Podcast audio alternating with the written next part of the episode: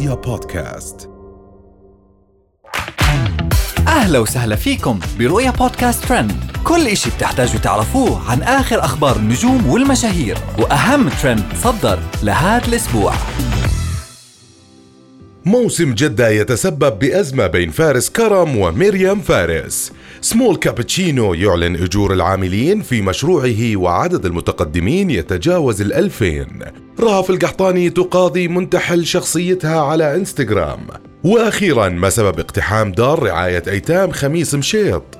اشتعلت الأجواء مؤخرا بين الفنانة مريم فارس والفنان فارس كرم بعد ما تم الإعلان عن المنشور الخاص بحفلهما في موسم جدة. وبدأت القصة بعدما اعترض الفنان فارس كرم على حجم صورته على البوستر الخاص بالحفل مقارنة بصورة الفنانة مريم فارس. وأشار أنه هالشي تم بناء على طلبها. الأمر اللي أشعل الأزمة بينهم وبدأت حرب التصريحات لكن هالمرة كانت تصريحات جريئة وعلنية. وما كان من فارس كرم بعد رده للفنانة مريم فارس إلا أنه ينشر تغريدة على تويتر يكتب فيها بحب أذكرك بأيام ما كنت تغني بالأوتار وتركضي تتصوري معي آخر الليل والباقي بتعرفيه كتير منيح صرتي بدك تدبري لي حفلات فعلا اللي استحوا ماتوا. وما كان من مريم فارس إلا إنها تلحقه برد آخر هددته فيه وكتبت شكلك ما تحملت الحقيقة بالقضاء رح خليك عبره لكل ذكر بيعتدي على شرف امرأة لأنه ما طلع راس معها. ومن أزمة التصريحات بين فارس كرم ومريم فارس بننتقل لدار خميس مشيط اللي تصدرت الترند بعد ما تم اقتحامها وفي التفاصيل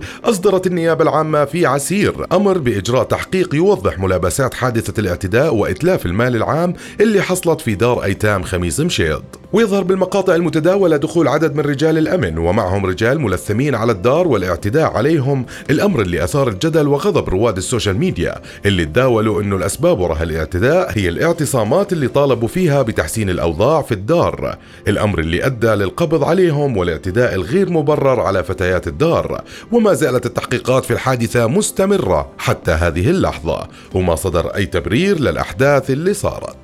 ومن دار خميس مشيط بنرجع لعالم الفن والمشاهير وخاصة رهف القحطاني اللي ظهرت أمس بفيديو وهي تتوعد لمنتحلي شخصيتها على منصة إنستغرام بعد ما صاروا يتحدثوا باسمها ويطلقوا بعض التصريحات وأكدت رهف إنها ما بتملك حساب على أي منصة غير سناب شات وتيك توك وإنه حسابها على إنستغرام محظور بسبب عدة بلاغات تلقتها. وأخيرا بننتقل لخبرنا الأخير اللي تصدر الترند على السوشيال ميديا مؤخرا بعد ما أعلن سمول كابتشينو عن أجور العاملين عنده في المقهى وأن الرواتب تصل ل 10000 ريال سعودي. وبرر المشهور السعودي سبب وضعه مثل هذه الرواتب رغم أن راتب النادل بين 4000 إلى 5000 ريال. هو أنه بيعتبر الموظف أكثر من مجرد موظف وأنه شريك له في كل شيء. واصفا إياه بالمستشار في المحل. وهاي كانت كل أخبارنا لليوم. بنشوفكم الحلقة الجاي. رؤيا بودكاست.